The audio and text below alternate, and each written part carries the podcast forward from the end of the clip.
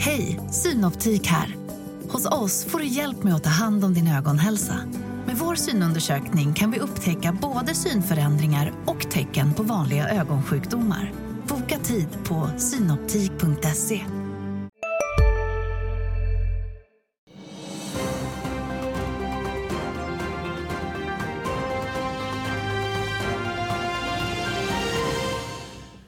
tisdag idag, det är lite av en specialare här i studion. Jag noterar ett försiktigt duggregn utanför och försiktiga nedgångar på Asiens börser. Det är den 19 september, välkomna till Börsmorgon. I dagens program noterar vi Tito Evris vinstvarning tillsammans med Stora Ensos VD Rokad. Två case ska vi snacka om, Arus Karlshamn och Gränges. Och så ska vi snacka Munters förstås. Bredvid mig står Claes Forsström, VD och koncernchef tillsammans med Carl Hedberg, aktiechef på Carnegie Private Banking. Vi börjar med makroekonomin. Igår var vi snubblande nära 12 kronor för en euro, 11 996 någonstans. Jag vet inte om det påverkar er, men dina tankar? Nej, men det är så här. Jag tänker att det är tråkigt när den svenska valutan är svag. Och sen är det viktigt som när man driver företag att inte tänka valuta. Hela tiden tänka hur kör man valuta säkrat eller hur eh, fast valuta och driva effektivitet. Dina tankar ifrån banksidan? Ja, men det är lite blandat. För vi har en liten kortsiktig positiv effekt för många av våra stora internationella bolag som får lite valutamedvind istället. Men absolut, det, det, finns ju många negativa faktorer med det här också. Och jag tror också att det kommer liksom hämma olika typer av investeringar i Sverige när man inte riktigt vet vilken nivå valutan kommer ligga på. Vi ser Nordea hade den fyndigaste morgonrapportsrubriker. Another day, another rekordsvag krona. Swinglish tyckte jag var lite roligt. De noterar också nivån där 11,995 under måndagen. Men det blev aldrig en 12 i alla fall. Kanske hittade vi ett stöd där. Kanske vänder det nu. Jag noterar också att ARM var under täckningskursen tillfälligt igår. Det här har ju varit lite av ett styrketecken för börsen. Ja, nej, men absolut. Det, det, hade man väl gärna sett att det hade varit fortsatt att vara en stark utveckling. Men det är klart, jag tror att det liksom ligger mer i linje med den eh, lite avvaktande inställningen som finns generellt sett för börsen. Tittar man index ser det visserligen rätt så starkt ut, men det är en ganska smal uppgång vi har haft under det här året. Så tittar man lite längre ner i listorna så ser det betydligt svagare ut. Så att jag tror att det är mer ett tecken på att det fortfarande finns en hel del osäkerhet kvar i, i marknaden. Gillar du, gillar du börsen och börsvindar? Ja, men det är ju det är alltid spännande. Är man börsnoterad så måste man ju som följa börsen. Däremot kan jag säga så här, det är inte så att jag dagligen tittar på börskurs. Då kan man ju få vad heter det, hjärtinfarkt. Så säger alla, men, men, där, men däremot så är det ju så den långsiktiga trenden. Uh, absolut. Och den, den är munter för munter. Som ja, eller hur? Idag är också sista, handeln, idag är sista dagen för handel i ACQ Bures SPAC om någon eh, var intresserad av, av det innan den görs om. Tito Evry vinstvarnade, eh, som jag nämnde inledningsvis, eh, sänker både resultat och tillväxtutsikter för helåret från 57, alltså mellan 5 och 7 procents organisk tillväxt så räknar man med 4 procents i år. Även rörelsemarginalerna eh, blir mjukare jämfört med tidigare prognoser. Dina tankar Carl? Ja, men jag tror att det här, och det var väl egentligen det de var ute och kommenterade lite grann själva också, att de märker ju av att sina kunder är mer försiktiga i det här. Man börjar vara lite mer eh, återhållsam med vissa typer av investeringar. Eh, man märker av de märker av att sina kunder börjar dra ner på kostnader och då är det just den här typen av tjänster som ligger ganska nära till hands att börja dra ner på helt enkelt. Har du några reflektion där? Nej, men jag, jag, håller med helt enkelt. Det är väl ett tecken på att eh, konsulttjänster kanske börjar eh, dras in på och jag tror alla tänker, så även vi. Ja, men hur, hur har man foten nära bromspedalen men samtidigt för oss då på gaspedalen samtidigt? Har ni någonting med konsulterna att göra? Konsulterna har inte hårdvara som behöver kyla gissas jag? Eller? Nej, men det, det, det är alldeles korrekt. Eh, utan det är ju som vi är i där att crunchas, som jag säger så, för datacenter. Så att, eh, nej, det är ingen direkt koppling så.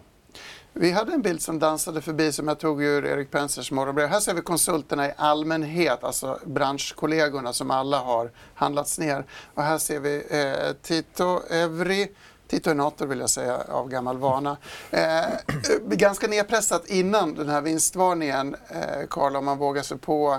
Det kanske inte blir så blodigt på börsen och det här var inte helt oväntat, eller? Nej, det skulle jag faktiskt kunna tänka mig att det har nog legat i förväntansbilden absolut att man märker av den här typen av försämring. Sen är det klart, sen beror det väl på eh, hur pass tydliga de har varit i sin kommunikation tidigare om, liksom, om det finns någon tendens till en avmattning eller inte men eh, nog ska den ner lite grann på det här i alla fall. Ja, det är ingen glad nyhet. Om det var väntat så var väl Annika Breskis avsked eh, mer överraskande, i alla fall för mig. Stora Enso sparkar sin VD som får gå på dagen. Eh, bolaget kontrolleras av FAM, alltså Wallenbergsfamiljens onoterade eh, ägarbolag vid sidan av Investor, tillsammans med finska statens ägarbolag Solidium. De har utsett eh, Hans Solström till ny VD. Jag antar att han är Finlands svensk. Du har FAM som huvudägare. Eh, första reflektion, hur är det att kunna få sparken på dagen? Ja, men som du förstår att i det här fallet, därför är det vore ju fel av mig att ge någon som helst kommentar för jag har ingen aning om just det specifika fallet. Men däremot så är det ju som VD, det får man ju, det är en del i rollen. Eh, det, sånt kan hända och eh, så är det. Så är det, men det är ett kul jobb ändå? Det är ett fantastiskt jobb. men det är muntert. Däremot det har inte varit så muntert i, i skogsnäringen. Stora Enso har vinstvarnat. Man befinner sig i, i ett omstrukturerings, en omstruktureringsprocess. Eh, kan man notera att ordföranden inte finns tillgänglig för kommentarer. Dina tankar om branschen och bolaget? Ja, men det är ju inte bara Stora Enso som har haft det kämpigt det här senaste året. Så, så det, det, är ju ett eh, liksom sektorspecifikt fenomen på det sättet. Och det finns ju en mängd olika anledningar att både priserna har fallit kraftigt, många kunder har dragit ner på sina lager vilket har slagit mot försäljningen. Så att på det sättet så kanske det ändå var lite oväntat. Men sen har väl Stora Enso släpat efter lönsamhetsmässigt det här eh, senaste ett, två åren mot de andra bolagen i sektorn. Så att, visst, det kan ju finnas eh, mer som man ännu inte riktigt vet bakom det här. Men, men det har ju varit en, en tuff period för sektorn, absolut. Tuff period för sektorn. Jag tänker inte pressa dig på någon skogs... Det här är väl också en mjukare konjunktur delvis, eller har du någon bredare reflektion utan att gå in på bolaget specifikt? Mm, nej, jag, jag, tror så här. Alltså, eh, tittar vi konjunkturmässigt så är det nog väldigt specifikt. Vad är man nischad? Vilken exponering i, i geografi och vilken exponering till olika drivare har man? Eh, och det här kommer att som landa olika i olika företag. Det, det tror jag är som den övergripande synen jag har. Vi byter ämne till en annan problemhärd eller glädjekälla beroende på hur man ser det. Oljepriset fortsätter uppåt, Brentoljan över 95 för första gången sedan i november. Igår pratade vi med Bjarne Kildrop på SEB, chefsanalytiker inom råvaror. Han gästade Börskoll och det lät så här. Vi tror inte att det är så mycket nedsida, men det är kanske inte så mycket uppsida i oljepriset heller. Vi tippar nog upp till en 100 dollar, eh, men vi tror inte att vi bara ska rakt ska vidare till 110 och 120 för att det börjar bli svårt för global ekonomi att svälja en så hög oljepris. Men en oljepris runt 95 dollar är hyfsat bra eh, och hyfsat acceptabelt på världen. Men Längre resonemang finns förstås på di.tv för den som vill grotta ner sig i oljepriserna. Är ni, är ni råvaruberoende? Ja, när det gäller olja, inte speciellt mer än som allmänt. Och jag skulle vända, vilja vända den här saken på två sätt. Och det ena det är ju att Ja, det är en omställning som världen är på väg, en grön omställning. Och där är ju vi eh, väldigt väl positionerade. Sen när det gäller oljepriser, ja, men det driver inflation och det driver så att säga, allmän eh, syn på vart är världen på väg. Då. Så att, eh, det är klart, alla påverkas av det, men inte specifikt vi. Energipriser i allmänhet, om elpriser, nu är ju elpriserna låga, Absolut. Eh, men det skulle vara Ja, men det, det, det, är ju alltid kostnadsdrivande. Det vi är väldigt glada över i Munters då, det är den skift vi har gjort även internt. Så att idag har vi över 75 procent av vår energi är grön energi. Så att det gäller ju att vara lite före kurvan även där hela tiden. Även grön energi kan gå upp i pris, bara, bara så att du vet. Absolut. Oljepriset, Carl? Ja, men det är väl framförallt, eh, precis som Claes säger, att eh, det, det som, som eh, kommer in ur ett aktiemarknadsperspektiv mycket blir ju just den här inflationsdrivande effekten av den. Och man ser just nu att marknaden är ju väldigt fokuserad just på, på mera makro snarare än kanske bolagsvinster här och nu. Just för att eh, man vill veta vad, vad ska räntan ta vägen helt enkelt. Var ska räntan ta vägen? Det får vi svar om eh, senare i Fed imorgon, Riks på torsdag. Vi kan väl nämna kort att den australiska centralbanken RBA har lämnat protokollet till sitt septembermöte. Där nämner man att vidare åtstramning kan behövas och att besluten gällande framtida räntehöjningar framöver kommer att bero på om inflationen ligger över 2% målet eller inte. Kanske ingen riktig kioskvältare därifrån Australien. Men när vi ändå eh, vackra bilder härifrån eh, Sydney eller Melbourne eller vad det kan vara. När vi ändå betar av nyheter på löpande band. Jag vill nämna bilbolagen. De hade en tung dag på Wall Street igår, förstås på grund av den här strejken som vi har pratat om. Eh, jag vet inte, är det en oroshärd för börsen tycker du eller är det än så länge isolerat? Ja, men det är nog mer branschspecifikt än så länge skulle jag säga. Eh, och kanske inte den här riktigt tydliga kopplingen till, till svenska börsbolag även om det finns en del som absolut är mer påverkade än andra. Men eh, ja, ingenting som riktigt eh, skulle jag säga ändrar riktning på, på börsen här och nu. Men det är klart att det kan ju också vara något mer i, i det långa loppet att det är ett tecken på att den här kraftiga inflationen som vi nu har haft under en period, att det faktiskt börjar dyka upp den här typen av effekter också. Att, att det kan påverka bolagens produktion för att just eh, arbetarsidan vill få en kompensation för det här. Då. Nej, men om jag bara tittar på det specifikt så tror jag att eh, Nordamerika, eh, det har fångat upp bilindustri. Ja, men man är väldigt självförsörjande i Nordamerika per se. Så att säga. Och sen har det ju under lång tid, inte bara bilindustriföretag, dragit sig söderut i Nordamerika. Och eh, Detroit var ju som eh, jag var, levde i där i finanskrisen. Det var ju en oros här då. Eh, det kom tillbaka och eh, det här kanske pressar ner eh, mot söder. Pressar ner arbetskraft och tillverkning och flyttar produktiviteten Ja, det enkelt. skulle kunna vara en spekulation. Ja, det är en Ja. intressant spekulation. Det är ju rejäla eh, löneanspråk som man förhandlar om. Ja, verkligen. Eh, är det någonting som håller dig vaken om nätterna, att arbetskostnaden ska bli ett allvarligt eh, problem? Eh, nej, men jag tänker så här när det gäller inflation och när det gäller konjunktur. Hur hanterar man inflation? Man måste hela tiden jobba med effektivitet i sitt bolag. Eh, det är det första. Och sen måste man hela tiden på andra sidan jobba med eh, värdeförsäljning. Alltså ta fram till kunden, hur försvarar vi det här? Gör man det lite före kurvan då, som jag tycker att vi försöker vara på, eh, ja men då, då är man väl lagom orolig. Mm. Lagom orolig ska man vara. Man ska alltid vara lite hungrig och lite kall. Om ni Har det gått att använda inflationen som ett bra argument till att verkligen höja priserna också? För många bolag verkar ju ändå ha passat på lite grann under det senaste. Ja, men så, så här, om jag tittar på oss specifikt Munters så har jag ju sagt, eh, och det står jag verkligen för, vi var inte tillräckligt snabb i början när det här drog iväg. Eh, och vi hade inte säkrat till exempel långa kontrakt med, med prisklausuler och så vidare. Eh, så att visst har vi använt det när vi jagar kapp och vi har lärt oss väldigt mycket. Så till exempel i datacenter nu så har vi ju en korg. Att dra det iväg för mycket i kostnad, då kan vi höja. Så att eh, visst har vi ändrat eh, syn på hur vi jobbar med affärer utifrån det här. Okej. Det känns som att ett fönster öppnades, att alla kunde höja priserna. Blev det lättare att slänga in de här klausulerna du nämner? Att, att nu följer vi? Ja, ja kanske. Och, och det här är... eh, om man har råvarudrivna klausuler, då ska man ju komma ihåg att när råvaror går upp, eller nickel eller koppar eller någonting, ja men då är det JPO så att säga. När råvaror går ner, man automatiskt att, ja men då är, är det jobbigt då, om man säger så. Det vi lyckades förhandla oss till, och det är fantastiska medarbetare där ute, det är att i i ett antal kontrakt så är det bara åt ena hållet. Alltså går det ner så är vi inte tvingade att Nej, sänka. okej. Intressant. Eh, orättvist.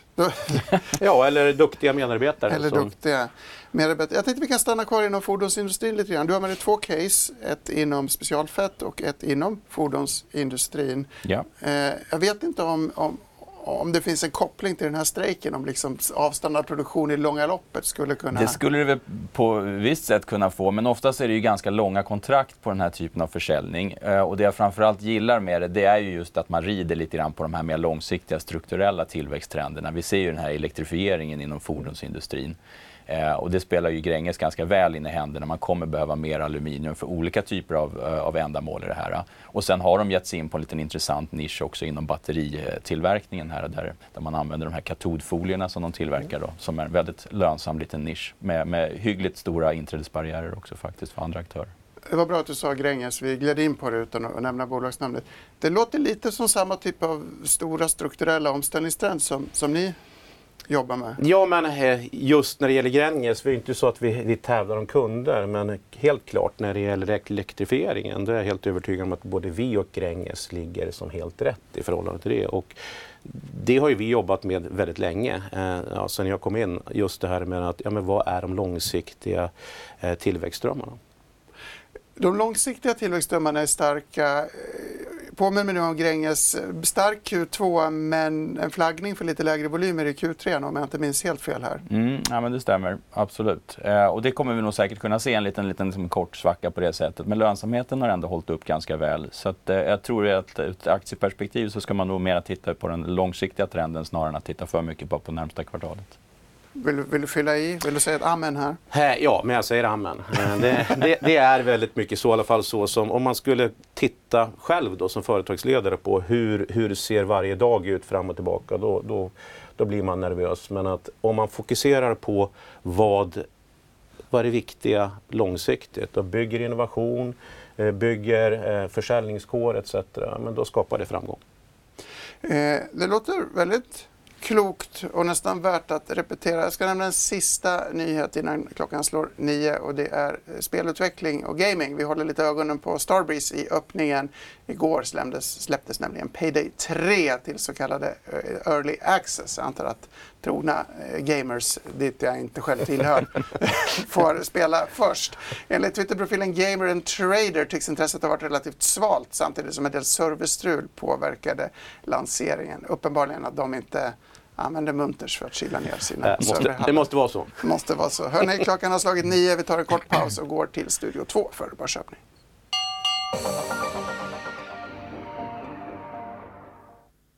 Ja, Stockholmsbörsen öppnar i moll och backar. Vi ser att storbolagsindex backar 0,3 procent ungefär. Om vi tittar där på storbolagsindex så ser vi att i toppen har vi Handelsbanken och Assa Abloy som stiger lätt.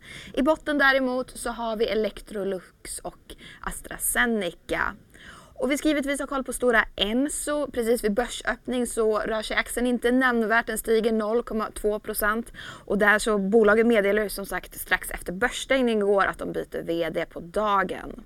Jag tänkte att vi kollar närmare på sektorkollegan Billerud som rör sig desto mer och stiger 6% De har fått köpstämpel av Jeffrey som sätter riktkurs på 105 kronor och även Danske Bank höjer rekommendationen för Billerud till köp. Och vi ser nu så ligger den ju på 92 så den har en bit kvar upp till den riktkursen som Jeffries satte. Och precis som vi pratade om, Starbreeze hade ju smygpremiär för Payday 3 igår kväll. Där servern kraschade och det var en hel del tekniska strul. Breda premiären är på torsdag först. Men vi ser att Starbreeze backar nu vid börsöppning och är ner tvåsiffrigt efter gårdagen. Och finländska IT-konsulten Tieto vinstvarnar och sänker både resultat och tillväxtutsikterna för helåret och de backar nästan 4% vid börsöppning. Skanska säljer ett ungerskt kontor för miljardbelopp och aktien den rör sig närmast i sidled. Och sen tänker jag att vi ska fortsätta lite med rekar för det är inte bara Billerud som har fått ny rek, även Electrolux har fått det. De tappar sin köpstämpel från Handelsbanken som nu sätter behåll och aktien backar 1,5 procent ungefär. Och sen Brentoljan, den gick ju över 95 dollar fatet. Nu har den backat lite och ligger på 94,8 90 dollar fatet. Och VTI har varit över 92 dollar fatet, nu ligger den åter på 91 dollar fatet. Men som sagt, Stockholmsbörsen i stort, den eh, startar lite dystert denna tisdag och backar 0,3 procent. Ja, backar 0,3 procent. Flera intressanta rörelser. Lite eh, ironiskt, eh, Karl, jag vet inte vad man ska säga om Billerud. Två analyshus alltså som höjer en samma dag som Stora Storas problem resulterar i ett vd-byte. Kanske inte så mycket att säga, men Nej. optimism. Nej, och jag tycker egentligen inte att det är förvånande att vi ser de här REK-uppgraderingarna för att hela den sektorn tror jag står inför en ganska stor vinståterhämtning. Jag tror att 2024 är ett betydligt mer normaliserat vinstår för sektorn som helhet och det kommer nog finnas en del bolag som kommer att ha en ännu bättre då, vinstutveckling. Eh, jag tror att Stora kommer vara ett sådant bolag som faktiskt tar igen en hel del av det vinsttappet som vi har sett under det här året för de har tappat ganska dramatiskt vinst under de senaste kvartalen. Jag tyckte det var bra sagt. För, det, för er som har slagit på tvn precis så står vi här med Claes Forsström, VD för Munters och eh, Carl Hedberg förstås på Carnegie Private Banking som ni hörde prata. Claes, eh, visdomsord innan pausen. Och du är här både som VD och som allmänt orakel var ju att man ska ta sikte på de här långa trenderna och inte låta sig mordfällas av tillfälliga svackor. Och, och där, där kanske vi, det kanske är så man ska göra inom svensk papper och skogsindustri för Vad tänkte du att man ska... Ta sikte på den långa trenden ja, och inte ja, bli nej, men absolut, Som investerare är det väl absolut så. Sen är det klart att man ser som, som skogsindustrin som ändå har stått för som en relativt lång period av av fallande efterfrågan med fallande vinster. Då är det klart att som investerare kan man ju även då som förbereda sig lite grann för det. Även om jag tror att man inte ska vara för kortsiktig i vissa fall. Men, men där har det ändå varit en utdragen period. Men nu ser det nog betydligt bättre ut om vi blickar framåt. Jag noterade att Stora Enso som alltså avskedat sin VD eh, inte påverkades nämnvärt alls på börsen. De handlades i sidled. Någon tanke kring reaktioner kring ett vd-byte? Ja, men jag, jag, tror så här, dels så har det väl inte varit eh, något så här riktigt tydligt utbrett eh, missnöje vad, vad jag har, har noterat som skulle ha gjort att det liksom var en stor lättnad i aktien. Eh, Å andra sidan så tror jag inte att, att Annika Bresky heller har varit på något sätt identifierad som en riktigt, riktigt så här, viktig faktor för Storas framtid härifrån och framåt. Så därför är det nog ganska små reaktioner i kursen. Och jag tror att många investerare snarare tittar på vinstutveckling in i nästa år snarare än att titta på förändringar på, på vd-posten. Claes, du är inte bara ett orakel, du leder ju faktiskt ett stort företag också. Många av oss eh, läser om Munters, ja. Eh, vet att det ligger väl i linje med AI-trenden och att det går som en raket på börsen. Men eh, kan du ge mig en två minuters version på vad ni faktiskt gör? Ja, men Munters, eh, vi ställer oss som ett klimatbolag. Och vad menar vi med klimat? Vi är i affärskritiska, processkritiska system där det handlar om luftfuktighet, temperatur, luftkvalitet. Det vi går in i batteriindustrin, vi går in i datacenter och det är kylning. Eller livsmedelsproduktionen, det handlar om djurhälsa och, och vad heter minska yield. Och i slutändan så det, vi är ju som många andra företag i, i Sverige som är framgångsrika. Det är inte så att vi frontar utan vi är väldigt mycket bakom. Om inte vi finns, inga vad heter bilbatterier. Om inte vi finns, inga datacenter, de, de, måste kylas och så vidare. Så den stora pitchen, ett klimatbolag i affärskritiska processer. Och vad är störst? Livsmedel, det är ganska olika. Livsmedel, läkemedel, lantbruk, datacenter och batterier. Ja, Eh, tittar jag på det största affärsområdet, det är AirTech. Det är ju kärnan i Munters historiskt. Eh, där har ju mycket kommit ut eh, ifrån. Eh, och sen är ju den, den, det nya som har växt... AirTech är alltså avfuktning och det är temperaturkontroll? Avfuktning, klimat... Hej, Ulf Kristersson här. På många sätt är det en mörk tid vi lever i. Men nu tar vi ett stort steg för att göra Sverige till en tryggare och säkrare plats. Sverige är nu medlem i Nato. En för alla, alla för en. Har du också valt att bli egen? Då är det viktigt att skaffa en bra företagsförsäkring. Hos oss är alla småföretag stora och inga frågor för små. Swedeas företagsförsäkring är anpassad för mindre företag och täcker även sånt som din hemförsäkring inte täcker. Gå in på swedea.se företag och jämför själv styrning eh, framför allt mm. till en mängd olika sektorer och litiumbatteri är då den största just nu. Men även eh, eh, livsmedelsproduktion, eh, läkemedelsindustri och så vidare. Så väldigt brett. Eh, tittar vi sen då att det nischade området, det är ju datacenter. Eh, det handlar om kyla eh, och väldigt mycket mot eh, ja, data, datahallar helt enkelt. Eh, och sen har vi det mindre, airtech, eh, eller foodtech ska jag säga. Eh, det är ungefär 16 procent. Eh, där ena delen av foodtech växer fantastiskt, alltså det digitala, mjukvara. Och vi har tuffare i, i equipment och det är ju framförallt drivet av Kina, är svagt och det, sen kriget i Europa som påverkar eh, hela jordbrukssektorn. En väldigt pinsam fråga. Är det samma prylar ni tar från ert lager för att kyla en serverhall som eh, lantbrukarens, eh, antar jag, gurkförvaring? Eh, nej, det är inte. Utan det, det är helt olika. I, när det är en serverhall då är det ju otroliga mängder kyla. Så där har vi helt andra system. Vi vill prata lite om Foodtech då. Ni har, påminn mig, ni har kommunicerat att ni tar en funderare kring hur ni ja, ska gå vidare? Ja, vi genomför en strategisk eh, översyn. Eh, egentligen i min värld inget stort drama i det utan till och från så måste man ju titta över hur en verksamhet går. Grunden är att eh, det är väl tre som funderingar kring det hela. Den ena funderingen är att det digitala och mjukvara växer ordentligt. Den andra biten är att hur är kopplingen mellan utrustning och det digitala? Vår hypotes är att det är en svagare koppling där. Och sen den andra, eh, man kan ju inte vara bra på allt helt enkelt. Så att där går ju funderingen som hur ska vi göra? Och vi har sagt så här att det kommer vi att genomlysa. Det kan resultera i att vi investerar mer i, i, i det, eh, equipment. Det kan resultera i att vi särskiljer det. Eh, eller det kan också resultera i att vi säljer det. Men det får ni berätta om. Hur lång tid tar en sån här översyn? Ja, alltså jag, jag har lärt mig så här att det är väldigt eh, osäkert att säga som när den är slut. Men jag ser framför mig kanske i början på nästa år. Ja. En annan eh, nybörjarfråga. Har, ni gick ju till börsen, det blev en, vi skrev mycket om det i Dagens Industri, det var problematiskt i början. Var det inte så att datacenter då var en problem här och nu är det tillväxt? Ja, men, men alldeles riktigt. Och eh, när jag kom in då var det väl mitt i, i problemhärden om man säger så. Och nu ska jag på intet sätt som förenkla det här för mycket, men att tanken var ju rätt. Datacenter skulle växa. Eh, och min syn är att man, man hade helt enkelt operationellt gjort fel. Man hade växt för snabbt i Europa, man hade koncentrerat sig bara på ett marknadssegment och man hade tagit in nya produkter. Och då bestämde vi oss för att vi lämnar Europa, börjar bygga om i Nordamerika, satsar på innovation, satsar på en annan typ av go-to-market och det är ju superglädjande. Jag menar, där är vi ju, är det någonting som växer så det knakar och jag har stor tillförsikt eh, framåt så är det det. Ja, några tankar? Ni, ni gjorde ett förvärv nyligen där. Finns det några andra områden än de som ni är verksamma inom nu som skulle kunna vara intressanta som ni klurar lite grann kring? Eller är det, har ni hittat de nischerna där, där det finns? Ja, men det, det eh, tycker jag är en superbra fråga. Att, eh, det vi är stolta över det är att vi hittade de här starka tillväxtströmmarna och siktar in oss på det för en fyra år sedan.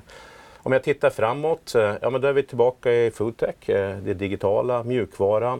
Vi växer där, sista kvartalet 40 procent eh, stor efterfrågan. Så det är ju en om, ett område. Det andra, och då är det ju mera ska jag säga, långsiktigt, men koldioxidfångning, det är jag ju superexalterad runt. Vår teknologi eh, kan hantera det och eh, vi har mött framgång. Vi är med i en tiotal pro, pilotprojekt runt i världen kring det. Men det är ju ingenting som kommer imorgon, men övermorgon eller eh, några dagar senare. Okay. Vad gör det inom koldioxidinfångning? Eh, ja, men det, det, våra teknologier eh, gör så att eh, det fångar koldioxiden. Och sen så eh, är det andra processer som tar hand om det, hur man gör det och ännu längre processkedjor om man ska pumpa ner det i jorden eller någonting. Men kort, kortfattat, vi fångar koldioxid. Men det är en framtida, en framtida Ja, det, så ska jag säga. Men, men, bara för att vara konkret. Vi har varit med i en pilotinstallation i en stor cementfabrik i, i eh, Norge. Eh, vi är eh, som en verkligen viktig komponent i en eh, e-fuels fabrik i Chile. Så att eh, det är som inte eh, futuristiskt i meningen att vi inte tar affärer. Men det är i början. Det är många som pratar om det här. Eh, jag tänker att det är nästa batteri. Väldigt fascinerande. Apropå förvärv, ni gjorde ju ett förvärv i Indien ganska nyligen. Jag skulle vilja höra hur du ser på den indiska marknaden mm. övergripande och sen skulle jag vilja prata lite Kina. Det är ja. ganska viktigt, inte minst för den här foodtech-delen. Ja. Nej men äh, Indien, eh, jag tror de flesta företag, de flesta företagsledare har sett Indien som den här marknaden som ska ta fart någon gång sen. Eh, vår analys är att nu kommer den att ta fart. Vi ser att det är väldigt spännande investeringar. Man gör klimatinvesteringar. Eh, man talar mer om datacenter, man talar väldigt mycket om batteriproduktion etc. Så att i grunden, bakgrunden till det här det är att vi vill skapa en tydlig bas i Indien. Och här får vi ett företag som är lönsamt, eh, som har tillverkning på tre stycken sajter. Ja, men det, det är en tillväxtplattform för oss. Kina då, eh, väldigt viktigt va? Inom, inom Fotex speciellt eller för hela bolaget? Kina är, är viktigt för hela bolaget. Jag, jag var faktiskt i Kina eh, så sent som förra veckan. Och, eh, eh, vad kan man säga där? Eh, vi är starka i Kina. Vi jobbar väldigt intensivt med och runt Kina. Vi har svag eh, efterfrågan i foodtech. Eh, och sen har vi haft en, en stor framgång i, i allmän industri och batteri i Kina. Min syn är väl så här om Kina om jag ska sammanfatta det. Och då är, då är oraklet ja, här. Nu är det oraklet. eh, det blir sämre innan det blir bättre. Eh, Men det gör inget om man gillar långa trender. Det har Nej. vi lärt oss. Eller hur? Är det foodtech Kina som är specifikt svagt eller är det mer ett internationellt fenomen? Nej, det, det jag sa nu, det blir sämre innan det blir bättre, då menar jag som rent allmänt det är industrin i Kina. Jag, jag, det jag fångar upp både från medarbetare och förståsigpåare där, det handlar ju om att Ungdomsarbetslöshet eh, växer. Eh, investeringsklimatet är, är svagare. Eh, fastighetsbranschen är som i någon form av bubbelvarning. Mm. och sen det här kanske, och nu är jag verkligen en, en, en orakel på tunn is här då. Det jag fångar upp det är att Ja, men man väntar ju på att ledarskapet i Kina ska säga det här är det som gäller. Alltså är guvernörerna, det jag fångar upp, de, de vågar inte som köra själv. Utan man väntar på signaler och det kommer inga signaler. Nej. Är det, gör det din allmänna konjunkturbild också mer dyster, denna väntan eller denna osäkerhet? Ja, för, för oss då kan man säga så här. Ki- Kina är en del i det hela. Men vi är ju superstarka i Americas, och Nordamerika och USA. Och där går vår verksamhet eh, fram till kvartalssluten. Den den tuffare på bättre än någonsin. Så att, eh, Eh, jag tror det här som jag, eh, vi började lite grann i. Man får nog titta på hur är man exponerad till olika regioner, hur är man exponerad till olika delar och segment. Och då kommer det här slå väldigt olika på olika bolag. Vi har inte pratat om det bästa än, alltså AI-trenden. Men innan vi gör det så vill jag stanna lite i konjunkturdiskussionen. Jag förstår er som ett bolag som har en ganska slagig orderingång. Eh, är det extra viktigt att ta med sig i ett mjukare konjunkturläge? Att det är lite svårt att läsa en kvartalsrapport från er och bli Ja, klok? jag, jag har sagt så här och, och eh, så är det som fått understryka att det, det är inte det här jag ser. Men att jag skulle inte vara orolig om vi hade noll orderingång i datacenter ett kvartal. Därför att det man måste titta på det är som hur är, en, hur är faktureringen? Vi bygger, eh, vi har byggt nu eh, order till 2024. Vi har nu börjat bygga 2025 och jag har stora förhoppningar att vi kan börja bygga 2026 framåt. Så att, ja, man får väl titta mera på hur faktureringen rör sig och, och hur vi eh, förbättrar vår vinstmarginal. Det låter som att orderboken är ganska full. Förlåt. Ja, nej, finns det någon serviceaffär som kan växa över tiden här som överbryggar lite grann den här slagigheten i orderingången? Eh, vi har ju växt jättemycket i service. Eh, jag tror vi har nästan dubblat serviceaffären i, i pengar på fyra år. Däremot så har den kommit i skuggan då att nu har vi växt så otroligt mycket på, ska vi kalla för utrustningsaffären. Så eh, andelen service har väl rört sig från en 14 procent upp till runt eh, 20 procent eller 17 procent. Eh, vi har ett mål på lång sikt eh, att nå närmare 30. Okej.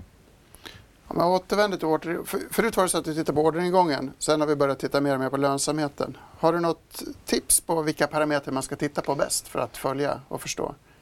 Ja, men orderingång tycker jag är bra och sen tycker jag att eh, alltså ser vi att vi fyller på, men då är det som glöm det här slagiga då så att säga. Den andra biten är men hur fakturerar vi ut? Eh, och sen det vi har fokus på nu, det är att vi har ju växt så väldigt mycket så nu sätter vi lite extra lampa på kassaflöde och eh, det har vi tänkt förbättra. Mm. Jag som är konjunkturorolig då. Hur mycket av era orderbok kommer ifrån nybyggen av olika former och hur mycket är underhåll? För jag tänker att underhållsarbete och förbättringsarbete är mer strukturellt och mindre konjunkturkänsligt. Ja, men en, en stor andel, eh, huvuddelen, är ju nybyggnation. Men där tror jag också man måste vara lite mer granulär och säga så här. Eh, om man är övertygad om att det kommer att ske en elektrifiering av bilindustrin, vilket jag tror att alla landar i så att säga, då är de nybyggena väldigt säkra. Det handlar mer om att kommer det nya nybyggen varje kvartal så att säga. Tittar man på datacenter, vi kommer ju komma in lite grann på AI sen, eh, förvarnar om, då eh, har man- har man en tro att data kommer att crunchas mer. Eh, då är det också någonting som man kan vara ganska lugn över. Vi kan väl ta AI nu då. Munters, när Nvidia rapporterar starkt så går er aktie upp. Eh, Finns det en överdriven eh, tilltro till Munters AI-koppling? Eh, ja, men en bra fråga. Eh, det, den koppling som finns som är, är, är faktisk och reell, det är ju så att AI driver tillväxt och datacenter. Jag tittade tillbaka lite grann in, inför den här. Vad sa man om datacentertillväxt för några, säg ett, ett och ett halvt år sedan? Ja, men då landar man någonstans i 6-8 procent den underliggande tillväxten. Nu tycker jag när jag tittar på det, då pratar man om mellan 10 till 12 procent i datacentertillväxt. Är det bara AI? Ja, kanske. Eh, men att det är tydligt att datacenter, den har ju snarare ökat sin tillväxttrend. Också en reflektion det är att ungefär 10 till 14 procent av capex i datacenterbyggande, det är då kopplat till kyllösningar och inte då bara, utan det är ju DACTs och sådana saker. Men att eh, en ganska försvarlig del är kopplad till kylning. Hur går dina tankar om den underliggande trenden här? Då? Ja, jag tror att i ett aktieperspektiv så är marknaden lite väl snabb ibland att prisa in de här liksom långsiktiga trenderna för det kommer inte slå igenom som vinster riktigt här och nu fullt ut. Eh, men jag tror absolut att, att det är en, en, bra trend att haka på. Det tror jag. Sen kommer man ju kanske liksom se svackor i den här, men det är nog mera tillfälligt skulle jag gissa på. Och nu är det utan tvekan så att AI kommer vara ett stort fokus när det gäller eh, vinstutveckling för många bolag, men kanske inte de som egentligen är AI-utvecklare utan snarare hur man använder AI i sin verksamhet. Vad tänker du om, har du någon AI-spaning mer övergripande? Ja, men det, det är som du säger att eh, det ena är vad driver så att säga industri för att stötta AI eller datacentertillväxt. Men det andra är ju tillbaka, hur använder man det? Eh, och här är det ju superspännande. Ibland kan man ju bli lite skrämd nästan hur fort det går. Men tittar jag konkret hos oss i foodtech, eh, där använder vi AI dagligdags. Eh, det här kan ju låta som futuristiskt men vi tittar på hur rörelsemönster är med kycklingar, tillväxtkurvor är med kycklingar, hur temperaturen påverkar kycklingarnas tillväxt. Och genom att applicera AI så kan då eh, livsmedelsproducenter säga ja, men just vid den där dagen, då är det dags att slakta kycklingen. Berätta ännu mer, det här är intressant.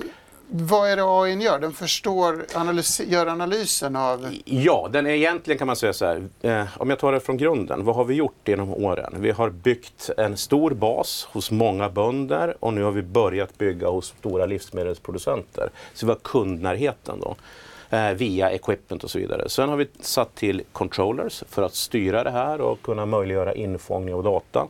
Och sen har vi ett en separat mjukvarubolag inom foodtech som jobbar med just mjukvaruutveckling och däribland AI. Så att det handlar om att samla data och sen bearbeta data och dra långsiktiga trender och förståelser. Hur blir det effektivare i mindre yield?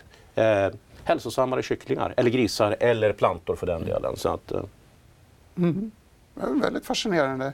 Vi ska smälta AI-tankarna och vända oss till Studio 2 för en börsuppdatering innan vi ska riva av ett sista case och en slutspaning här i studion. Varsågod Sofie. Ja, det är fortsatt lite surt på Stockholmsbörsen men det närmar sig nollan. Om vi tittar på storbolagsindex så ser vi att vi har Sinch i toppen som stiger lite drygt 3% Även SBB och Boliden stiger nu på morgonen. I botten av storbolagsindex däremot så har vi bland annat AstraZeneca och Electrolux som tappar 1 och det är efter att de har blivit, tappat sin köpstämpel från Handelsbanken som nu sätter behåll. Och Stora Enso de rörde sig ju inte mycket precis vid börsöppning men så här 20 minuter in så backade backar de 1% lite drygt. Och bolaget meddelade ju strax efter börsstängning igår att de byter VD på dagen. Sektorkollegan Billerud däremot står för desto större rörelse och stiger 7,5% efter att de fått köpstämpel av Jeffrey som sätter riktkursen på 105 kronor. Och även Danske Bank höjer rekommendationen på, för Billerud till köp. Starbreeze backar tvåsiffrigt. De hade ju smygpremiär för Payday 3 igår kväll som präglades av en hel del tekniskt strul. Även Embracer backar och är ner nästan 3 Finländska IT-konsulten Tieto vinstvarnar och sänker både resultat och tillväxtutsikterna för helåret. Aktien backar 2% ungefär. Vinstvarnar gör även det franska modehuset FMCP som har varumärken som bland annat Sandro och de sänker prognosen för räkenskapsåret 2023.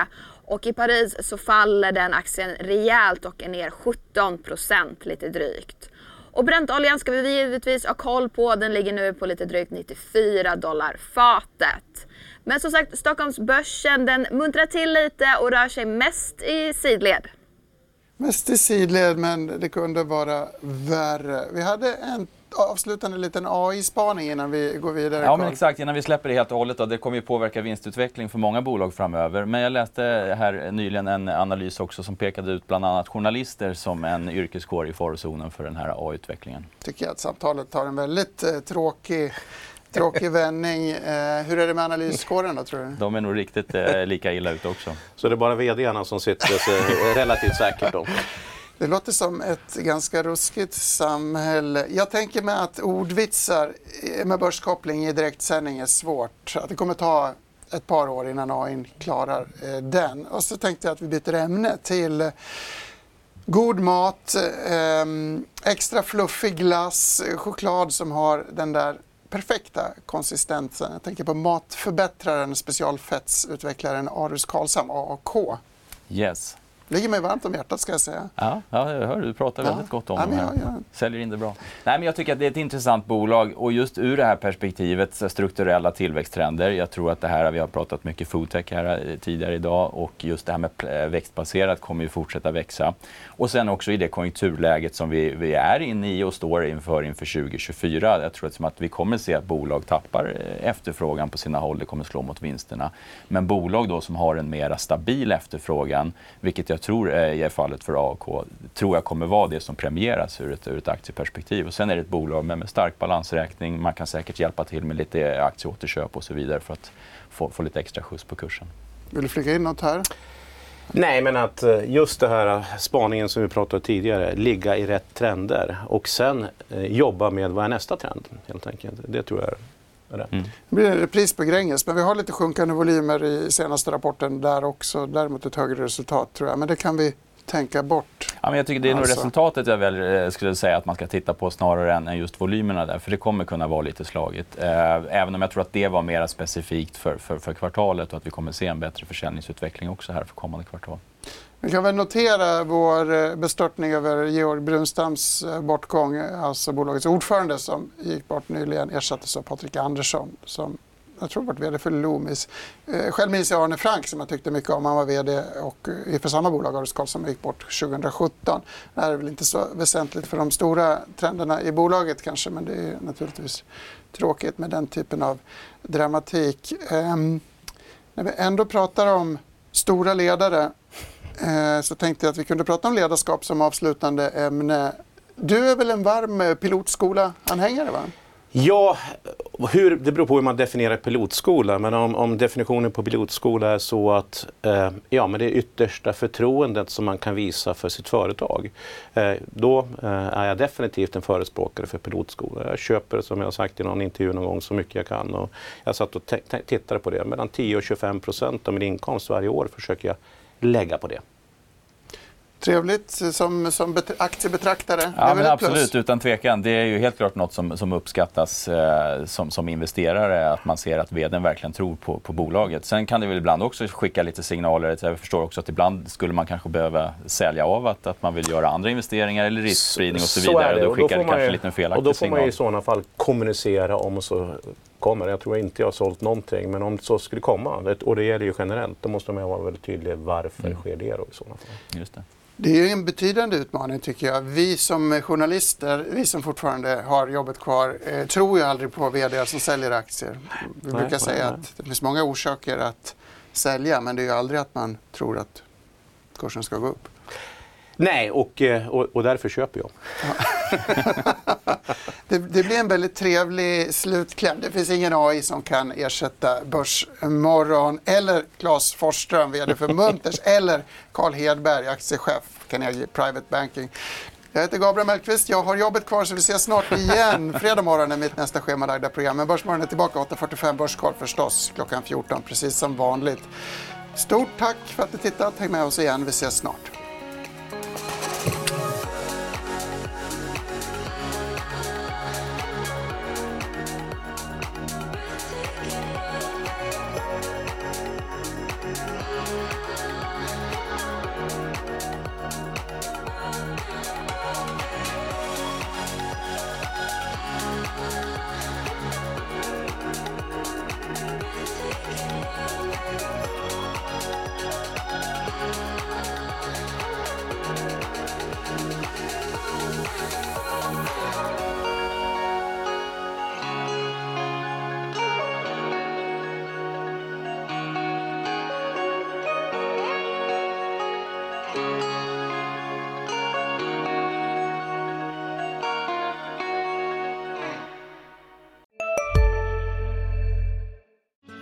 Susanne Axel här. När du gör som jag och listar dig på en av Krys vårdcentraler får du en fast läkarkontakt som kan din sjukdomshistoria. Du får träffa erfarna specialister, tillgång till lättakuten och så kan du chatta med vårdpersonalen. Så gör ditt viktigaste val idag, lista dig hos Kry. En nyhet. Nu kan du teckna livförsäkring hos Trygg-Hansa. Den ger dina nära ersättning som kan användas på det sätt som hjälper bäst. En försäkring för dig och till de som älskar dig. Läs mer och teckna på trygghansa.se. Trygg Hansa. Trygghet för livet.